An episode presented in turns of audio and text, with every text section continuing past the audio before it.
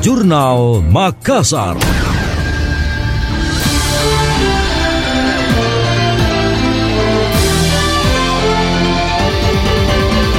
Pemerintah Kota Makassar tengah mencari lahan untuk menjadi tempat pemakaman umum atau TPU baru. Kawasan yang ada saat ini hampir penuh, namun hingga kini belum ada lokasi yang dianggap tepat. Wali Kota Makassar Dani Pomanto mengatakan sudah meninjau sejumlah lahan baru di luar Makassar, salah satunya di daerah Moncongloe, Kabupaten Maros. Pihaknya sejauh ini belum mengambil keputusan.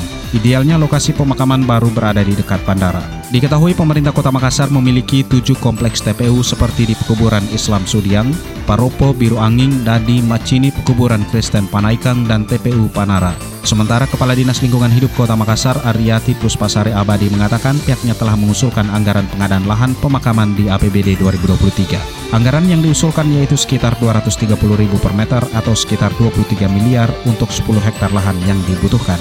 Dia menegaskan kebutuhan akan lahan pemakaman baru sudah sangat mendesak. Hal itu karena TPU Sudiang sudah penuh termasuk juga kawasan lainnya. Sebanyak 50 siswa mengikuti kegiatan pendidikan dan pelatihan integrasi di Makassar. Mereka terdiri dari 20 siswa dari Rindam dan selebihnya siswa SPN Polda Sulawesi Selatan. Acara ditandai penyematan tanda latihan serta pernyataan resmi dimulainya latihan oleh Kapolda Sulsel yang bertindak selaku inspektur upacara. Latihan ini dijadwalkan berlangsung selama lima hari.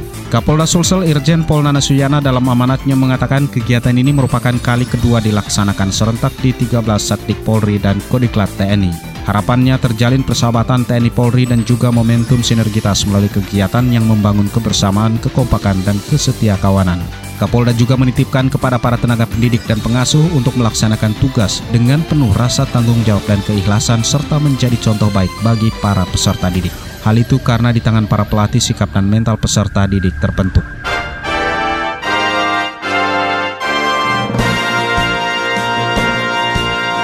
Demikian tadi Jurnal Makassar.